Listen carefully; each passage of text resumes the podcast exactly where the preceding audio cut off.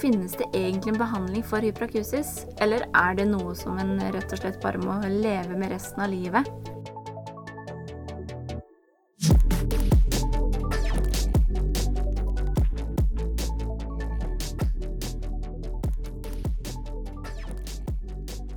Hei og velkommen til Hørselspodden.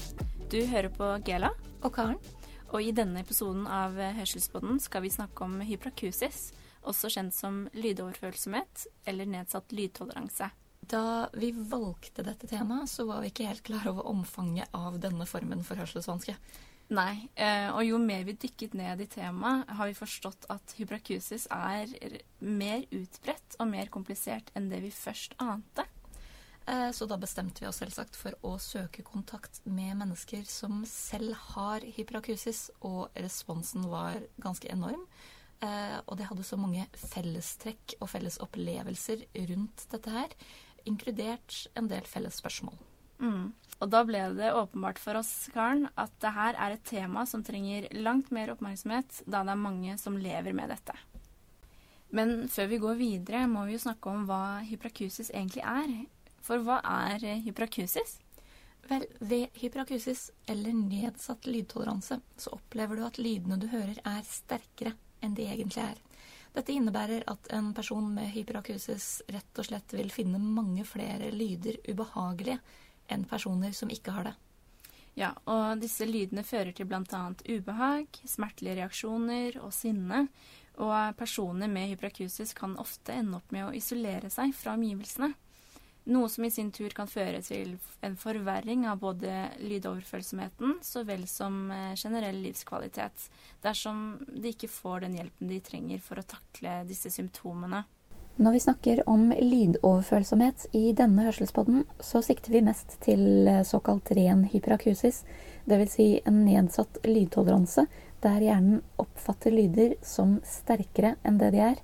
Dette er noe vi vil påpeke da det fins ulike underkategorier av lydoverfølsomhet, som f.eks. misofoni, der bestemte lyder plager deg. Og dette er eh, selvsagt eh, også bare et lite utdrag av et ganske stort tema. Ja, og man kan jo si at reaksjonene man opplever ved hyperakusis, er jo en veldig vanlig og logisk reaksjon når man tenker på det. Det er den samme formen for reaksjon alle opplever i situasjoner eh, der vi blir utsatt for ekstremt lydnivå. Og det er ubehagelig, så vi unngår jo det. Ja, og det som blir vanskelig da, med de som har nedsatt lydtoleranse, er at lyder som generelt er tålelige eller til og med behagelige, for de fleste kan oppleves med samme ubehag som i disse ekstremsituasjonene. Men hva er det egentlig som forårsaker hyperakusis? Det er et veldig godt spørsmål. Eh, vi har jo sett litt på studier, og det viser seg at årsak er eh, delvis kjent. Dvs. Si, vi ser at lydoverfølsomhet iblant dukker opp eh, direkte etter et fysisk traume. Noe som har vært tilfellet hos flere av de vi har hørt fra i forbindelse med denne hørselsbåten. F.eks. så kan dette være hode- og nakkeskader, eller det kan ha vært sykdom. Ja, og en annen og tilsynelatende stor gruppe er de som opplever tinnitus, mer kjent som lyder i øret i form av f.eks. For piping. Fra tilfelle til tilfelle så virker det veldig vanskelig å trekke sikre konklusjoner om hva som forårsaket det, da hørselen fungerer i et såpass komplekst system, og det vanligvis ikke finnes skader som kan ses eller studeres. Mm. Og man kan jo oppleve nedsatt lydtoleranse uten noen form for skader, eh, generelt ved isolasjon fra lyder. Så hyperakusis er noe man kan plages av i mindre eller større grad. Og fordi det kan oppstå som følge av akustiske traumer, så blir mange rett og slett bekymret for at lyd kan gjøre det verre. Og det er jo veldig naturlig. Hvis man allerede finner det plagsomt, så vil man i alle fall unngå å gjøre det verre. Det som dessverre gjør dette til helt feil strategi, som vi har sett, er jo at isolasjon fra lyder helt eller delvis i det lange løp faktisk kan gjøre det verre. Spørsmålene som har gått igjen hos mange som sliter med hyperakusis, er eh, hvorfor vet ikke fastlegene mer om hyperakusis? Og eh, finnes det en behandling for det? Eh, for å ta det første først, hvorfor vet ikke legene mer om hyperakusis? Og det er jo et veldig interessant spørsmål, og et som har dukket opp flere ganger i samtale med de vi har snakket med om deres opplevelse rundt det å ha hyperakusis. Allmennleger vil dessverre oftest ikke ha større kunnskap om tilstander som hyperakusis og mulige behandlinger for det. Som betyr at man da er avhengig av å bli henvist videre til rett sted, eller til noen som kan finne rett sted. Noe som langt fra alltid er tilfellet, ifølge den informasjonen vi kunne finne.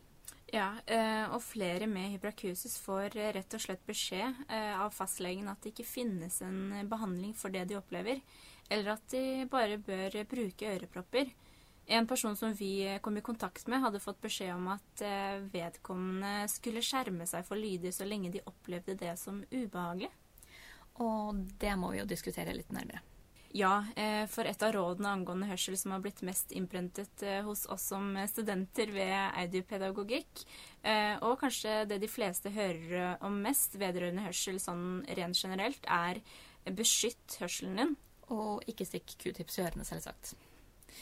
I lys av det så virker jo legens anbefaling om å unngå ubehagelige lyder og skjerme hørselen sin i utgangspunktet som et veldig godt råd, og et som stemmer overens med det vi vet om hørsel- og støyskader generelt.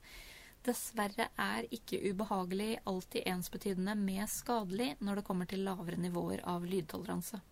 Og eh, det finnes også situasjoner der det iblant eh, vil være relevant å beskytte seg mot lyder en liten stund, som f.eks. etter en akustisk skade.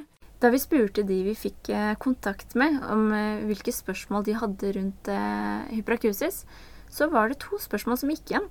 Og det var hvorfor vet ikke leger mer, og finnes det egentlig en behandling for hyperakusis, eller er det noe som en rett og slett bare må leve med resten av livet? Og flere av de vi snakket med i forkant av dette, hadde hatt ulike former for behandling hos f.eks. audiopedagog. Og flere synes dette hadde god virkning for dem. Opplæring i visse former av avspenningsøvelser hadde også hjulpet noen. Men vi lurte på var det mer? Og det var jo da vi besøkte Hør, som holder til ved Ullevål stadion. Og der fikk vi muligheten til å snakke med audiograf Janne Halseth, som har jobbet med personer som sliter med hyperakusis. Og det har hun jobbet med i over ti år. Og vi spurte Janne om behandling, eh, og fikk eh, faktisk et positivt svar. For ja, det fins faktisk en behandling for eh, hyperakusis som er effektiv, og som har gitt gode resultater. Det gjør det. Og på Hør og en håndfull andre steder så bruker de det som kalles TRT, som står for Tinnitus Retraining Therapy. Da er det jo lett å tenke at dette er ikke noe for meg hvis man ikke har tinnitus. Men det har faktisk vist seg, ifølge flere studier, å være en eh, effektiv behandling av hyperakusis hos mange. Til slutt så vil vi gjerne ta med noen av de kommentarene vi fikk i, i tilbakemelding.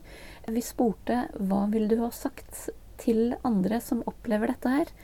Og vi fikk eh, mange positive tilbakemeldinger og råd som var ta tidlig kontakt. Det fins hjelpemidler, det fins ulike måter å takle det på, og det fins ulike behandlinger. Takk for at du hørte på oss, og på gjensyn.